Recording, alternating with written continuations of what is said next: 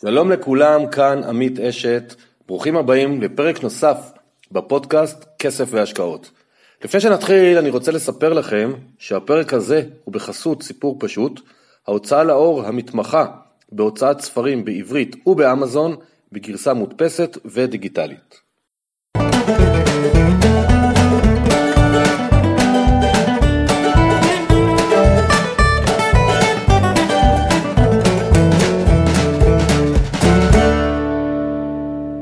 שלום לכולם וברוכים הבאים לפרק נוסף של הפודקאסט כסף והשקעות, כאן עמית אשת, והיום יש לנו פרק קצת שונה. אני החלטתי שכל מספר פרקים אני אעשה פרק אחד שזה רק אני. אה, אשתף אתכם בדעותיי, בדברים המקצועיים, והפעם זה הפרק הראשון שאני מדבר ולכן אני אספר את הסיפור האישי שלי. שיש בו המון המון דברים ומוסר השכל ולקחים ורעיונות לכל מי שרוצה להיות בעולם הכסף. ולפני זה אני רוצה להגיד לכולם תודה על ההקשבה. אני מקבל משובים מצוינים שבאמת נותנים חשק להמשיך, תגובות טובות, וזה ממש לא מובן לי מאליו, אז באמת תודה רבה על כל מי שמקשיב והרבה שמשתפים חברים. תודה, ואני מצידי אשתדל להמשיך אה, להביא מרואיינים מעניינים. ושיהיה פרקים טובים עם המון ערך והמון ערך יישומי זה משהו שמוביל אותי בחיים ואני אנסה לשתף אתכם כמה שיותר גם היום ובפרקים הבאים. אז טכנית אני בן 56 כיום ינואר, אה, פברואר כבר 2019 אה, נשוי עם שלושה ילדים גדולים, גר ברקפת שזה בפריפריה צפונית ליד כרמיאל למה אני מזכיר עם זה? כי חלק מהשינויים שעשיתי בחיים או שאני עושה שקשורים לכסף תלויים גם מקום מגורים ואילוצים טכניים. אז הרבה פעמים שואלים אותי, עמית, מתי בעצם התחלת להתעניין בכסף ולחשוב על זה? זו שאלה טובה, אני חושב שזה בגיל ממש צעיר, 6, 7, 8, משהו כזה. אבא שלי היה חבר אגד והוא היה מגיע הביתה, הרבה פעמים זה נקרא פסנתר, זה איפה שהיו שמים את המטבעות עם הכסף הקטן והרבה פעמים הייתי שופך את זה וסתם סופר ומסדר בערימות או שהוא היה צריך אה, לשלם ולהחזיר את הכסף אז היה שם מלא שטרות. נורא נורא נהניתי לראות, לגעת, לחוש וכנראה שזה התחיל האהבה שלי לכסף שם. ומה שקרה בהמשך החיים שלי בגיל צעיר, בגיל 16 אה, אבא נהרג באירוע חבלני ופתאום ביום בהיר אחד אה, המשפחה כמובן התא המשפחתי משתנה. אבל אחד הדברים שזכרתי בתקופה האחרונה של חייו הייתי הולך איתו לפעמים לבנק אז התחילו כל מיני משקאות ולדבר על בורסה. אני מדבר על שנת 1978 הצעירים שביניכם לא יודעים ולא מכירים בכלל את זה שהיה פעם היו הולכים לבנק אחרי הצהריים רואים מה קרה בבורסה באותו יום ורק בעיתון למחרת היית רואה מה השערים. זאת אומרת זה היה טקס. זה לא כל אחד יושב כמו היום בבית באינטרנט ורואה הכל. והייתי רואה שם הרבה מאוד אנשים שמחים ו- ומתעניינים ומדברים. את האמת לא הבנתי כל כך על מה מדובר אבל כשקרה מה שקרה ופתאום אמרתי טוב יאללה בוא נראה. אם לאבא היה טוב שם בוא ננסה להבין קצת מה קורה. ואז התחלתי קצת להתעסק עם שוק ההון. ממש בגיל 16 אה, התחלתי להתעסק עם שוק ההון. התחלתי להשקיע עוד פעם זה היה די פרימיטיבי גם כל הצורה ואיך שעשו את זה. אבל מה שחשוב הוא שבערך בגיל 20 לשנת 82 קניתי את הרכב הראשון שלי פיאט 127 אדומה 788-302, עד היום אני זוכר את המספר רישוי, אוטו ראשון זה חוויה. ואני זוכר את זה לא רק בגלל האוטו הראשון, אלא גם בגלל שכמה חודשים אחרי זה היה משבר קריסת מניות הבנקים, ואז הבנתי שהיה לי הרבה יותר מזל משכל. וזה אני חשוב לי שזה עד היום. אני אומר לאנשים, אי אפשר לתזמן את השוק, אי אפשר לדעת מה יקרה, מתי יקרה, והדברים קורים בבום. אז כשאתם מתכננים השקעות, מתכננים מה לעשות עם הכסף שלכם, תזכרו שהרבה פעמים המזל ישחק תפקיד, אפשר לעזור לו על ידי תכנון נכון, אבל לא לחשוב שאנחנו נדע מה קורה. וזה היה מגניב, זאת אומרת, אז הייתי ילד צעיר, כי היה לי אוטו ראשון, אמרתי איזה כיף, היה לי מזל, ואני אחזור לזה עוד מעט, שנדבר על 2008, על המשבר שהיה ב-2008 ואיזה לקחים אני הפקתי ממנו. אז אחרי הצבא אני הלכתי ללמוד בטכניון, היה פעם מסלול שנקרא כלכלה וניהול, אז אני בעצם מהנדס כלכלה וניהול, אבל בתכלס אה, לא למדתי שום דבר שקשור על כסף. למדנו מודלים, למדנו תיאוריות, אבל על כסף ואיך משקיעים ומה עושים ואיך מרוויחים לא לומדים. והמשכתי לקרוא במעט חומר שהיה אז ולהתעניין. התחתנתי במהלך הלימודים, ואחרי הלימודים מצאתי ג'וב ניהולי שהחלפתי מקומות עבודה, אבל בעצם 20 שנה הייתי מה שנקרא שכיר בכיר. כלומר הייתי תמיד בעמדות ניהול, עמדות השפעה גדולות, משכורת מאוד טובה, רכב צמוד מהעבודה, אבל הלקח הזה או הניסיון חיים שהתחיל לי בגיל מוקדם להבין שאני עובד קשה בשביל הכסף, אבל סבבה, אבל שיעבוד גם בשבילו, בשבילי. ולכן הלכתי והמשכתי כל הזמן להשקיע בשוק ההון. לאט לאט נולדו מכשירים יותר קלים כמו תעודות סל, קרנות נאמנות, קרנות נאמנות תמיד היה, תעודות סל פחות היה אז בארץ. ולמדתי ניסוי וטעייה. הרבה פעמים הייתי עושה השקעות בלי להבין על מה אני מדבר, מה אני עושה בכלל. אז או שזה היה מרוויח או שזה היה מפסיד. ובשיטה די מפגרת בדיעבד, אבל זה מה שהיה אז. אבל תמיד תמיד תמיד דאגתי שיהיה לי גם הכסף לא יהיה סתם בעובר ושב, אלא יהיה מושקע, כי הבנתי שכסף מייצר כסף, וזה הסלוגן שלי של היום, עד היום כסף מייצר כסף ובכל סכום. מספיק שמתחילים בכמה מאות שקלים לחודש אם אפשר, ומוצאים את האפיקים, ויש אפיקים תמיד, היו אז ויש היום, עם הזמן זה מצטבר וזה גדל. וזה פילוסופיה שאני אז הבנתי גם שאני לא רוצה להתעסק עם זה יותר מדי, אני רוצה לבנות איזשהו תיק, אבל לא מה שנקרא ניתוח טכני או דברים כאלה, להיות מעורב בזה כל היום, לא.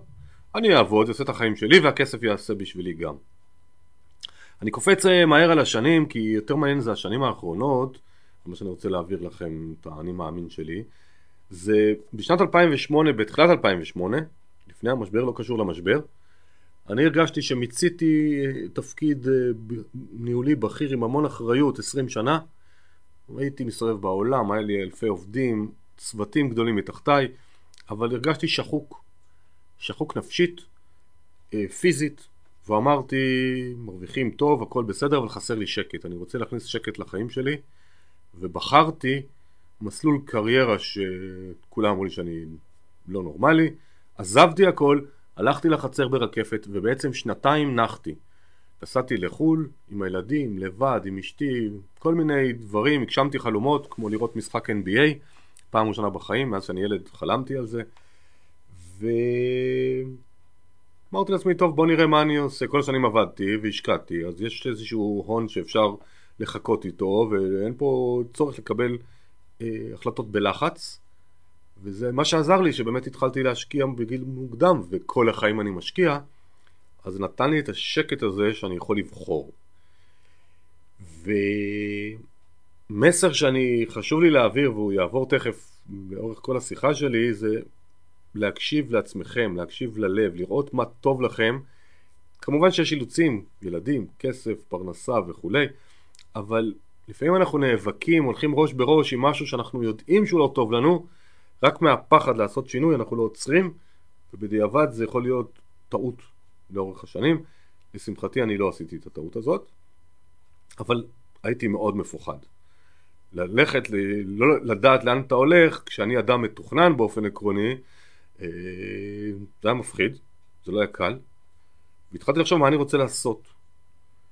ונזכרתי בזה שאומרים, וכל הסיסמאות, או לא סיסמאות, אז בשבילי הייתה סיסמה, שאם עושים את מה שאוהבים, אז זה לא עבודה, ולחבר תחביב למקצוע, וכל אותם סיסמאות כאלה ואחרות. ואמרתי, רגע, אני תמיד אה, אהבתי להתעסק עם כסף, בשנים שעבדתי אני ניהלתי כדרך אגב מערכות תפעוליות גדולות ומערכות גדולות לא קשורות לכסף, לא ניהלתי כסף, אה, ניהלתי עסקים אבל זה לא, לא, לא מה שנקרא מנהל כספים והיה לי חסר המגע עם זה, חזרתי, איך שיצאתי לחופשה שלי, התחלתי לקרוא את הדה מרקר וגלובס כל יום, תענוג, חזרתי להרגיש בבית פתאום, בדברים שאני אוהב אותם, אז אמרתי סבבה, אז בוא ננסה את מה שכולם אומרים שאפשר לעשות, לחבר תחביב למקצוע. ואני יועץ פיננסי, יועץ עסקי כי אני מכיר את עולם העסקים. ואני אהיה יועץ פיננסי והחלטתי עוד דבר אני במהלך התקופה הזאת פתאום חדר, חזרתי קצת לחדש קשרים עם חברים, עם אנשים וראיתי שמלא אנשים, לא משנה בגיל, לא משנה ברמת האינטליגנציה, לא יודעים מה לעשות עם הכסף. יש כסף, לא מבינים מה לעשות איתו, לא יודעים. העמקתי בלימוד כי כבר יש אינטרנט, 2008 כבר יש אינטרנט וראיתי שהמערכות הפיננסיות, מערכות חברות הביטוח, הבנקים, משרד האוצר וכולי, באמת לא רוצים שכל כך האדם הפשוט יבין, זה משרת אינטרסים סמויים שלהם, והחלטתי שאני אלך להיות יועץ במודל האמריקאי שנקרא Financial Planner, מתכנן פיננסי, שאני בעצם מקבל שכר מהלקוח, אבל אני, אני לא מוכר שום מוצר.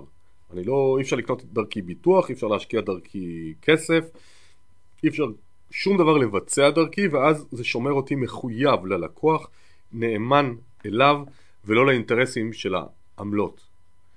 היום זה נכנס יותר לארץ, בחמש שנים האחרונות יותר מתכננים פיננסיים, חלקם אני חושב שהם לא עושים את עבודתם נכון כי אין להם הפרדה, הם גם סוכני ביטוח וגם אה, מתכננים פיננסיים, אז יכולים לספר לי כמה שרוצים על חומות בחברה וכולי, לא יכול להיות, לא יכול להיות, וחלקם כן נכנס הנושא הזה יותר ויותר לארץ של לעשות תכנון פיננסי. אה, בשנים האלה גם למדתי והעמקתי, אם זה משכנתאות ואם זה עולם הפנסיה, באמת אה, השקעתי שעות רבות בלימוד, בקורסים, בימי עיון, בסדנאות, בקריאה, בהקשבה, בהתייעצות עם קולגות ואנשים. ואני מדבר איתכם על תחילת 2008-2009 ופתאום יש את המשבר הגדול.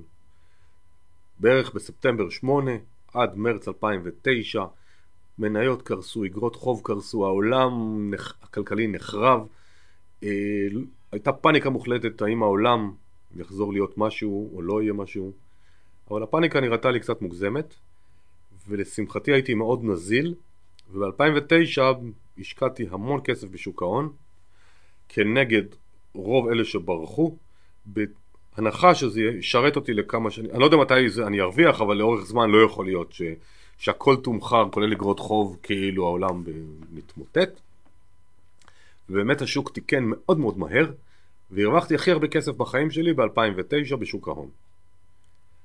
עכשיו זה נשמע נורא יפה, נורא נחמד, אבל אז זה מכניס בהלה חדשה. עכשיו אני עצמאי, אין לי משכורת שאני יכול לבנות עליה. אני הייתי, בעיקר ההכנסה של הבית באותם ימים הייתה עליי. שלושה ילדים, אז הם היו צעירים, היום הם מעל גיל 20. אז אם העולם באמת יחרב, אז מי ערב לי שאני אנצל בפעם הבאה. התחלתי וסיפרתי לכם שבשנת 82, משבר הבנקים הגדול, הייתי במקרה נזיל, כי מכרתי קודם וקניתי אוטו.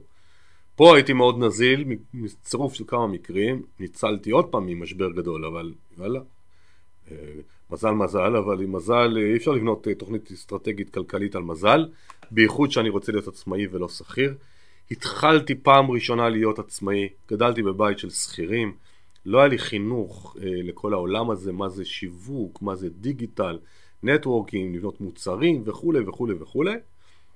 ואז אה,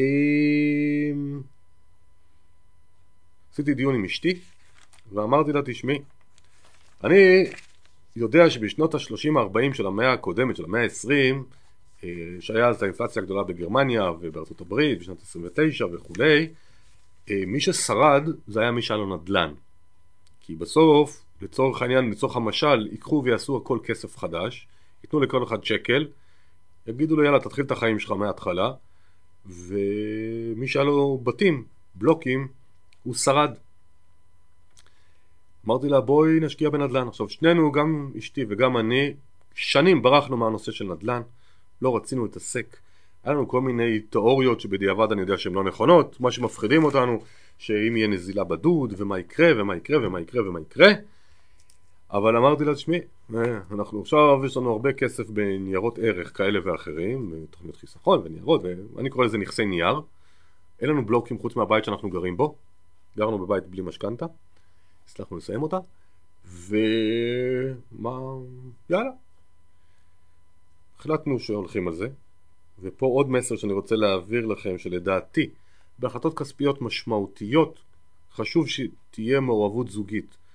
אני מלווה הרבה משפחות, הרבה אנשים, אני רואה שבדרך כלל בכל תא משפחתי יש אחד יותר דומיננטי, לפעמים הגבר, לפעמים האישה, ממש לא חשוב מי, אבל בהחלטות אה, משמעותיות חשוב אה, לשמוע עוד דעה של הפרטנר.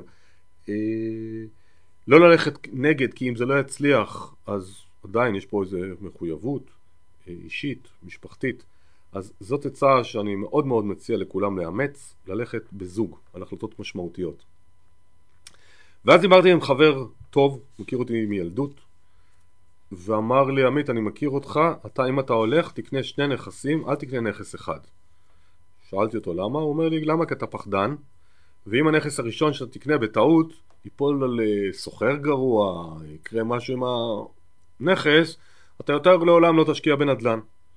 ואני מציע לך, כאחד שמכיר אותך, אה, תלך לשני נכסים, תקנה בפריפריה, אבל אל תעשה הימור במרכאות על אחד.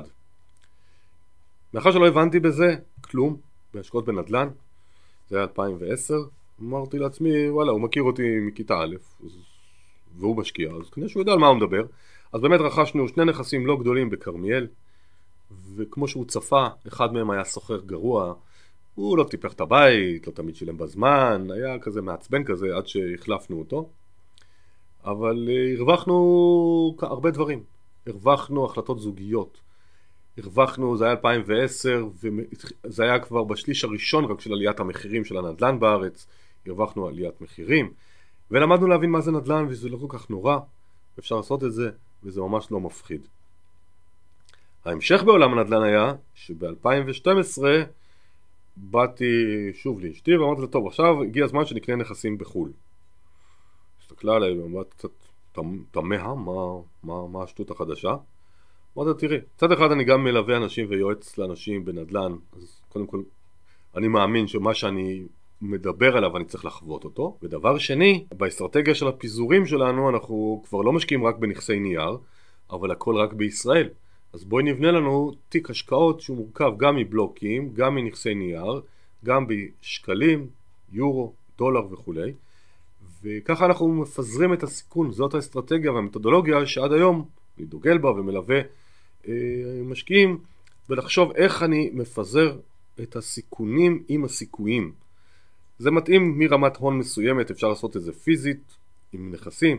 ברמת הון נמוכה יותר אפשר דרך שוק ההון לקנות ניירות ערך בדולר או ביורו אה, לפי עוד פעם אפיקי השקעה שזה כבר כל אחד בונה לעצמו את, ה, את התיק האסטרטגי הנכון. אבל אז באמת הלכנו והשקענו ב-2012 השקענו גם בנדל"ן בחו"ל לקחנו מינופים כאלה ואחרים. זה פחות רלוונטי כרגע כי זה כבר יותר מדי טכני. וראינו שזה בסדר. אנחנו קודם כל הרבה יותר רגועים נפשית שאם חס וחלילה לעולם יקרה משהו כלכלי, אנחנו קצת הגענו על עצמנו ועל הדור הבא, שלושה ילדים, חשוב לנו גם להגן על הדור הבא קצת. כיום בפרספקטיבה שאנחנו נמצאים בפברואר 19 אז אנחנו יודעים שהעולם לא מתמוטט, העולם הכלכלי חלקו יותר חלש, יותר חזק, העולם אבל בארה"ב למשל התאושש, הריביות כבר עולות, זה מושך אחריו את העולם, אה, אבל אז זה באמת אה, קבלת החלטות בתנאי אי ודאות, ובואו נזכור שאנחנו הרבה פעמים משקיעים וכל השקעה היא קבלת החלטות בתנאי אי ודאות. ולא משנה אם זה אלף שקל או מאה אלף שקל או מיליון שקל. אף אחד לא יודע מה יקרה בשום דבר. צריך לעשות מתודולוגיה, אסטרטגיה, לעשות פיזורים הגיוניים וללכת איתם, לעקוב לראות שלא קרה איזה משהו דרמטי בשוק מדי תקופה, יכול להיות פעם בחודש, פעם ברבעון, פעם בחצי שנה, לא משנה. ו... וזהו, ואז היינו קודם כל יותר רגועים. יש לי פיזור מטבעי, פיזור גיאוגרפי יש לי גם נכסי נייר, יש לי גם נכסים פיזיים, סבבה. אז בקטע הזה, אז הייתי הרבה הרבה הרבה הרבה יותר רגוע, אבל עדיין אני עצמאי. צריך לפתח עסק, אין לי מושג מה זה עסק עצמאי. אני, היה לי תמיד עשרות עובדים מתחתיי, אני צריך משהו, אומרים להם מישהו לעשות, הוא עושה. אבל לא, אתה אומר לעמית, ואם עמית יודע הוא עושה, ואם לא אז הוא מחפש מישהו שיעזור לו. חלק היה לנו ידע בבית, הבן הגדול, ואשתי קצת יודעים, וחלק קונים בחוץ. הלכתי, השקעתי המון כסף, אני אומר המון כסף, זה עובר את המאה אלף שקל, בכל מיני קורסים, סדנאות בארץ, בחו"ל, ללמוד. מה שהיה לי חשוב ללמוד זה את עולם הדיגיטל. עכשיו, למה זה היה לי חשוב ללמוד את עולם הדיגיטל? כי הבנתי שאם אני גר בפריפריה, אז קודם כל אני לא במרכז תל אביב או באזור פתח תקווה הרצליה שקל לי תמיד יהיה לראות לקוחות. אני גר רחוק, אני לא רוצה לנסוע עכשיו הרבה, זה חלק מהזמן, סיבה שעזבתי להיות עצמאי זה שנמאס לי להיות באוטו ובנסיעות כל הזמן. מצד שני אני רוצה להגיע לאנשים, אני טוען שיש לי ידע מיוחד ואני מבין וכולי וכולי, אני רוצה להגיע לאנשים. הבנתי שהדיגיטל יכול לתת לי מענה טוב לזה, אבל מה זה דיגיטל?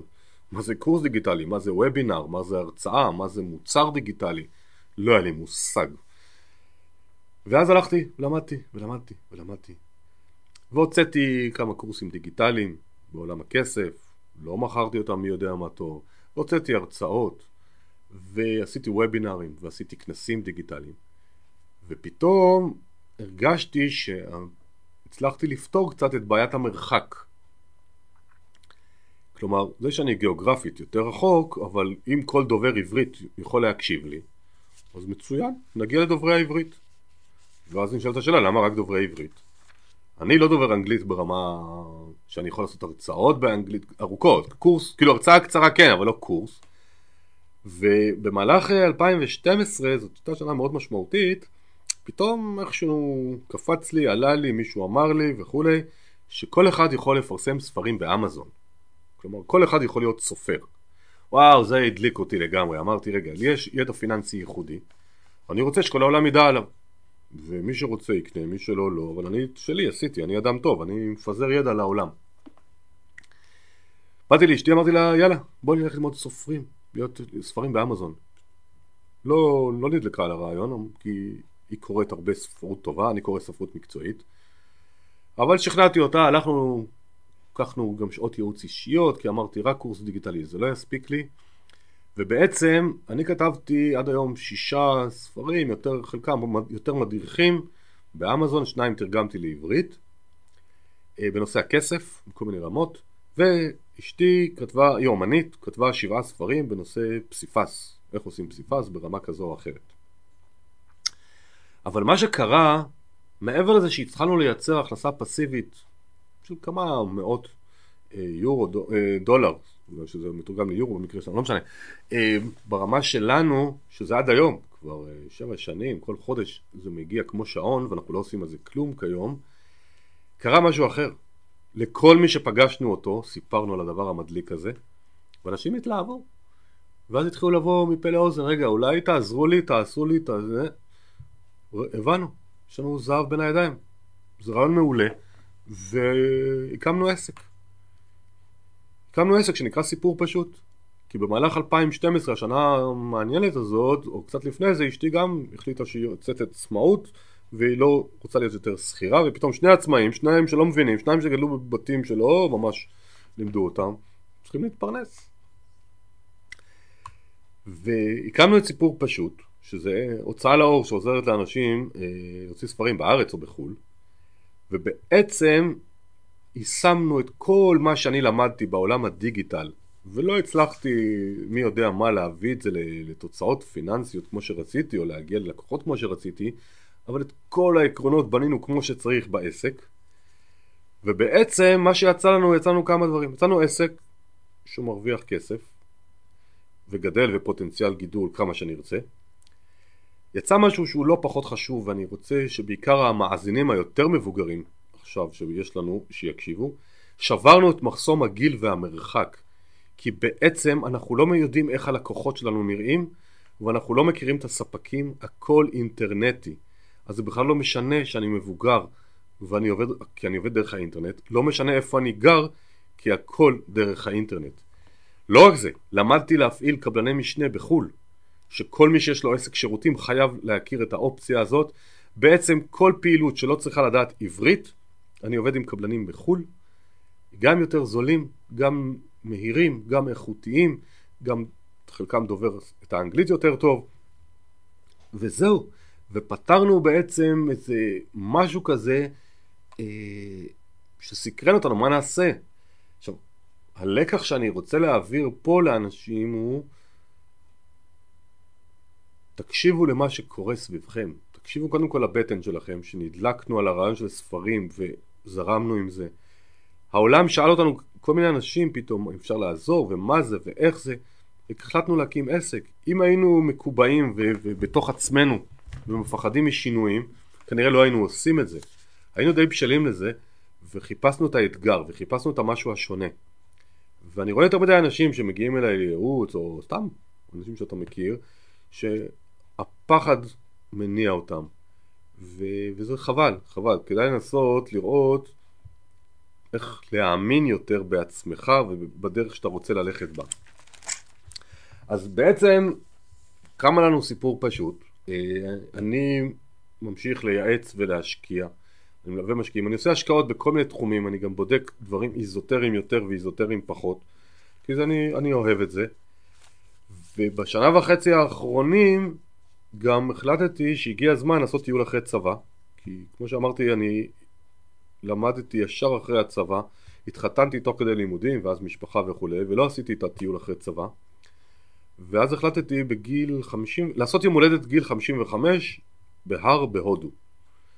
אה, הודו הכרתי אותה כאיש עסקים, לא כמטייל, כי כשניהלתי איזשהו עסק הייתי כל רבעון איזה עשרה ימים בהודו, במשך שנתיים כמעט, אבל uh, תמיד זה היה, היה לי עובדים שם, ומלונות חמישה כוכבים, ואוטו, ונהגים, והצגות שלמות של uh, מנהלים גדולים, אבל אני לא טיילתי עם כפכפים, תרמיל ומכנסיים קצרות. אז זה מה שעשיתי, הייתי, הטיול הראשון, ואשתי לא רצה לבוא איתי, נסעתי לבד, תשעה שבועות, הטיול הראשון, חצי שנה אחרי זה עוד שלושה וחצי שבועות, שהוא היה משולב הליכות, טבע, אשרמים. אני מאוד מאוד מאמין בחיבור של רוח וחומר. במהלך השנים גם למדתי את כל נושא הרוח, הילינג, תקשור, רפלקסולוגיה, כל העולם הזה של אה, חיבור גוף נפש בכל מיני דרכים. כי אני החלטתי שאני רוצה לדייק את עצמי, אני רוצה להבין יותר מה בא לי, להיות יותר בטוח בדרך שלי. כי דרך אגב הפודקאסט זה חלק מהאבולוציה האישית שלי, שהחלטתי שאני רוצה למצוא עוד דרכים להעביר את הדרך ואת הידע ואת המחשבות שלי, ובעיקר זה דרך רעיונות של אנשים אחרים, לא, לא כמו הפרק הזה שאני מדבר בו. אז המסר הזה היה שלמדתי שכן, היה לי חוויות מטורפות, זאת אומרת גם מפחידות וגם מהנות. עכשיו מה שדחף אותי בעיקר להגיע להודו זו הייתה עוד שאלה ששאלתי כל מיני אנשים בגילאי ה-40 פלוס ושאלתי אותם שאלה נורא פשוטה מתי פעם אחרונה התרגשתם? אבל התרגשתם על עצמכם לא שהילד גמר כיתה א', הילד קיבל רישיון נהיגה, הילד התגייס, אלא אתם שאתם קיבלתם רישיון נהיגה, שאתם התגייסתם, שאתם התחלתם את התואר בטכניון בטכני... או באוניברסיטה או, או, או משהו שקרה לכם, האהבה הראשונה רוב האנשים הסתכלו עליי במבט די מזלזל ואומרים לי משהו בסגנון, ברור שמזמן. כלומר, זהו, כאילו מה, עכשיו אנחנו בחיים.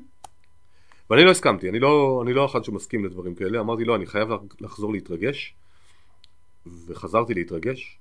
כשאני אומר לחזור להתרגש, זה לאו דווקא נעים. היה בזה המון קטעים מפחידים. לפני הנסיעה אני מדבר גם. פחדים ובהלות, איך אני אסתדר, ואני לבד, ואני מבוגר, ומה אני, אני אעשה שם, ואם אני אחלה, מי יטפל בי, וכל הסרטים בעולם שחורים אה, ש, שאתה יכול לצפות ולדמיין. מצד שני ההתרגשות, וואו, אני פעם ראשונה, אני עם תרמיל ומגניב ונראה מה קורה ו... והלכתי על זה. קרו דברים מדהימים, זאת אומרת, מכל הכיוונים, גם פחדים גדולים, אבל גם עמדתי פתאום בדרך לא דרך מול אלף סטודנטים להרצות באנגלית. אני שלעולם לא הרציתי באנגלית, הכמות קהל הכי גדולה שעבדתי בארץ 150 איש, פתאום אני בהודו, אלף סטודנטים עושה הרצאה באנגלית וקרו עוד כל מיני דברים אה, מדהימים ו... וזה מוביל אותי לכמה דברים שאני רוצה די ככה לסכם או לאגד כל מיני דברים שלמדתי במהלך החיים שלי ואני רוצה עכשיו ככה לסוף לתת כמה דגשים שאותי מבינים בחיים ואני מאוד מאמין בהם. אז הדבר הראשון הוא לא לפחד משינוי. עכשיו שינוי הוא נורא מפחיד. אני עשיתי שינויי קריירה שכל מי שראה אותם אמר לי שאני דפוק בשכל, מה זה אומר? אני בגיל 27 סיימתי טכניון, התחלתי לנהל מפעל. היינו 16 איש, שבאתי, גמר, כשעזבתי היינו 60 איש, חמש שנים, ויכולתי להישאר שם עד היום. והלכתי לעבוד בחברת ייעוץ, אמרו לי דפוק, התחלת מסלול קריירה, אתה יכול להיות מנכ"ל תוך חמש שנים. אמרתי להם נכון, אבל אני רוצה לדעת מה עוד יש בעולם הזה, איזה עוד תעשיות יש, עוד מה, מה קיים, אני, רצ... אני הייתי סקרן. אה, הייתי שכיר בכיר, הלכתי להיות עסק עצמאי, שאני לא מבין מה זה עסק עצמאי, ובדרך עוד המון שינויים. לנסוע להודו בגיל 55, לעשות לבד יום הולדת. אה, אז אני אומר, לא לפחד מלעשות שינוי, השינוי הוא מפחיד. אה, עוד פעם, לא צריך לעשות שינויים בכוח, אבל מצד שני גם לא צריך להתנגד להם בכוח. אם טוב מה שעושים ואיפה שנמצאים, אז אין טעם לעשות שינוי בשביל להגיד שעשיתי שינוי. אבל אם מרגישים שזה כבר משהו לא טוב לי, כבר לא מספיק לי, אה, זה יכול להיות בכסף, זה יכול להיות בכל תחום, או בתעסוקה, בזוגיות, לא יודע, כל אחד במקומות שלו. לא לפחות לעשות שינוי. מה שברור זה שאף פעם אין 100% הצלחה. יש הרבה כישלונות. אה, אם אני אתחיל למנות כמה כישלונות כספיים עשיתי, אז אני יכול סתם בשביל הקטע לשעשע אתכם, אז כמה אני אה, לפעמים עושה שטויות. אז אה, השקעתי פעם באחת, כאילו שפתחנו עסק ביחד, שבעצם היה משהו לקשרי משקיעים, שבעצם הייתי תלוי לגמרי בה, בדיעבד דבילי לחלוטין, אבל יצאתי לדרך חדשה, מה אני מבין? השקעתי עם חבר שבא אליי יחד, פתחנו עם שותף מוסלמי מקומי בנצרת, נצרת הערבית, בית קפה לקראת המונדיאל, ושל נרגילות ומאפים, ושמו שם טלוויזיות ודברים, היה עיצוב מדהים, אוכל מעולה הפסדנו ים של כסף, כי אף אחד משלושתנו לא הבין את שוק המזון. אה, אני חטפתי שם די מהר, אה, נדמה לי 100 אלף שקל הפסדתי שם, כי אחרי שהבנתי שאני הולך להפסיד עוד, אמרתי להם, אני יוצא. עכשיו, או שנפרק את הכל, נתחלק ב... אה, בהפסדים, או שאם אתם רוצים, קחו את המניות שלי, תהיו בריאים וחזקים, ואני לא רוצה שום דבר מכם, וזה מה שהם בחרו. העסק נסגר קצת אחרי זה, הפסידו קצת כסף, נסגר. ובניירות ערך שלא נדבר, שאני מפסיד מדי פעם עד היום. אה, היום אני כבר, אחוז ההפסדים שלי ירד, אבל אין הצלחה במאה אחוז בשום דבר שעושים בחיים. גם לא בהשקעות. אבל זה לא אומר לא לעשות, לא לנסות. לעשות את זה מושכל, לעשות את זה זהיר, להבין מה שעושים, אה, ללמוד ולהבין. ויש היום המון המון כלים, יש כל הקטע של האינטרנט וקורסים פרונטליים וקורסים דיגיטליים ו audiobooks, ספרי שמע ויועצים אה, אישיים וכל דבר שכל אחד רוצה, אה, אם זה תחום העסקים, תחום הכסף, תחום פיתוח אישי ולא משנה מה, תחביבים, ותשקיעו בעצמכם. אה, לפעמים אומרים מה, ללכת לקורס זה הוצאה נורא גדולה, נגיד עשרת אלפים שקל, זו הוצאה נורא גדולה. אני אומר לא, זה השקעה, זה השקעה בעצמך. ואם תסתכל על הדברים האלה כהשקעה ולא כהוצאה, יכול להיות שיהיה לך יותר קל ויותר מועיל. תזהו הזדמנויות, זה יכול להיות הזדמנויות השקעה, זה יכול להיות הזדמנויות אחרות, ולא לפחד להיכשל. אני לא רוצה לתת דוגמאות פה כדי שלא אנשים כאילו ספציפיות, אבל שווקי ההון או שווקים פיננסים של סחורות ושל חברות ושל תעשיות ושל סקטורים יש להם מחזוריות, יש לפעמים הזדמנויות, יש דברים ששכל הישר הוא מספיק או ששמעתם הרצאה, תחשבו, אולי זה נכון, אולי זה לא. אני ממש מציע לא ללכת אחרי הרוב. זה שהרוב עושה משהו זה לא אומר שזה מתאים. אם כולם קונו באיזשהו שלב מטבעות דיגיטליים ואמרו הביטקוין לעולם לא ירד, אז נכון לפברואר 19 הוא 3,500 דולר בערך ביטקוין. בדצמבר 17 לפני 13-14 חודשים הוא היה 20 אלף כמעט. ו... ואז היה, עכשיו, כל אחד שיחליט, מתאים לי, לא מתאים לי, אבל אל תלכו בגלל שכולם עושים. תבינו מה אתם עושים, תראו מה טוב לכם. אבל לא לפחד, לא לפחות לנסות. יהיה גם טעויות, ברור, ברור. אני מאוד מציע לתכנן את צעדים אישיים, ובטח עכשיו הפודקאסט על כסף והשקעות, תבינו איפה הכסף שלכם נמצא, איפה הוא מושקע. איפה, האם הוא במסלולים תואמי רצון גיל שלכם? האם זה קרנות השתלמות או קופות גמל להשקעה או קופות גמל אחרות, קרנות פנסיה? עשיתם השקעות או אתם שוקלים השקעה בנדל"ן. אז הנדל"ן זה מתחלק לנדל"ן מניב ויזמי ובארץ, בחו"ל, ואיזה חו"ל, העולם הוא כל כך גדול, יש המון מודעות, זה נראה נורא מפתה. תחשבו טוב למה. האם אתם מבינים מה היתרון בזה, מה השיקולי מס בזה, איזה פרוצדורות אה, כרוכות, אולי שוק ההון הוא מספיק טוב לכם. אה, חשוב שתהיה תוכנית כלכלית, בעיקר לגיל הפרישה. עכשיו, אני רוצה רגע לדבר מה זה גיל פרישה.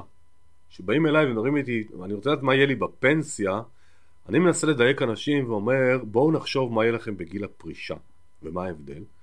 אני רוצה שאדם יגיע הכי מוקדם שאפשר, כל אחד זה גיל אחר, למצב שהוא בוחר האם לעבוד, לא לעבוד, מתי לעבוד ובמה לעבוד. כי פנסיה זה מצטייר גבר כיום 67, אישה 62, זהו. ואני אומר לו, אם אפשר לעשות את זה בגיל 40 או 50 או 57, בואו ננסה לפרוש הכי מוקדם שאפשר. בשביל זה צריך תוכנית, צריך להבין מה רמת ההוצאות שלכם, איזה הכנסות אתם רוצים לייצר, האם יש לכם השקעות הוניות או נדל"ניות, או איך לגוון את התיק וכולי. תעשו לעצמכם מחשבות, חשיבה על זה, אה, כי באים אליי לפעמים אנשים בגילאים מאוד מבוגרים, שאין הרבה מה לעשות. כשבאים צעירים זה נורא כיף, יש עוד המון המון זמן להתעסק עם זה. ובזמן שאתם בונים לכם את התוכנית, ואני חוזר למשהו שאמרתי מקודם, אי אפשר לתזמן את השוק. מי שאומר לכם שהוא יודע מתי השוק יעלה או מתי השוק ירד זה שרלטן, תברחו ממנו קילומטרים, אף אחד לא יודע. יש הערכות שאולי זה ככה ואולי זה ככה. הערכות, אולי זה נכון, אולי זה לא נכון. אז אף אחד לא יודע מתי זה יהיה גבוה, מתי זה נמוך, זה לא משנה אם זה נדל"ן או שוק ההון. אם עושים תכנון ותוכנית עבודה כספית, אפשר לנסות אה, לקלוע יותר טוב למתי להיכנס, מתי למכור, אבל אף אחד לא יודע באמת מה יקרה. צריך ללמוד גם לחתוך הפסד ולחתוך רווח גם. אנשים בדרך כלל מה שקורה את הרווח הם גוזרים מהר מאוד ולהפסד הם נותנים לו להגיע לאחוזים מאוד גדולים במקום הפוך, במקום להגיד טוב זאת השקעת תפוקה יאללה בוא נצא ממנה אז אנשים אומרים לו הרווחת 10% יאללה בוא נמכור. אז תחשבו גם על הקטע הזה. מתי למכור בהפסד או ברווח. אה, בעולם ההשקעות והכסף, הכסף אפשר לייצר עוד ועוד, ואני, אחת הפילוסופיות שלי זה שכסף הוא כלי שעושה את החיים קלים יותר, אני לא רואה בו כמטרה. ומי שכיום קצת לפעמים חושש אולי אם יהיה לו הרבה כסף הוא יהפוך להיות אדם פחות טוב או גרידי וכולי, לא, זה פשוט כלי הרבה יותר טוב אה, הרבה יותר קל בחיים, אני יכול לעזור יותר לאנשים, אני יכול, מי אני ברמה האישית, למשל לעשות פודקאסט כזה, וזה עולה הרבה מאוד זמן וכסף לראיין אנשים ולהשקיע ולחתוך ולשלם לאנשים שיעזרו לי בדברים האלה והאלה והאלה, אבל אני עושה את זה כי, כי אני מאמין שזה נכון. אז תעשו את מה שאתם חושבים שאתם יכולים, וכשיש מספיק כסף ואפשר לבחור יותר מה לעשות, עושה את החיים הרבה יותר קלים. אז כסף, אני מבקש שתאמצו את הגישה שזה כלי מעולה לחיים וזה לא צריך להיות גרידי מצד שני, מצד שני לא צריך לפחד ממנו. ונושא נוסף שהזכרתי אותו לא מעט במהלך השיחה הוא זה שותפות הזוגית, אני מאוד ממליץ למי שחי בזוגיות תקבלו החלטות ביחד, תבינו ביחד מה עושים, לא חייבים ברמה של כל uh, קניית ומכירת נייר ערך, אבל אם הולכים למהלכים אסטרטגיים או בכלל בניית התוכנית האסטרטגית של המשפחה של התא המשפחתי, תעשו אותה יחד. ובכל התהליך הזה, בכל ההחלטות שעשיתם, אם זה החלטות עסקיות, או החלטות משפחתיות, או החלטות השקעות, שלא הצליחו, תסלחו לעצמכם. זה אני רואה ממרומי גילי, שהייתי צעיר יותר זה היה לי הרבה יותר קשה. הכל בסדר, טעויות זה חלק מהחיים, אם אני מבין מה הייתה הטעות ואני לא אחזור עליה, להיות הרבה יותר רכים, סולחים, זורמים. כי עם כסף אה, זה, זה מבאס מאוד להפסיד עשרת אלפים או עשרים אלף שקל או מאה אלף שקל, זה לא איזה שמחה גדולה.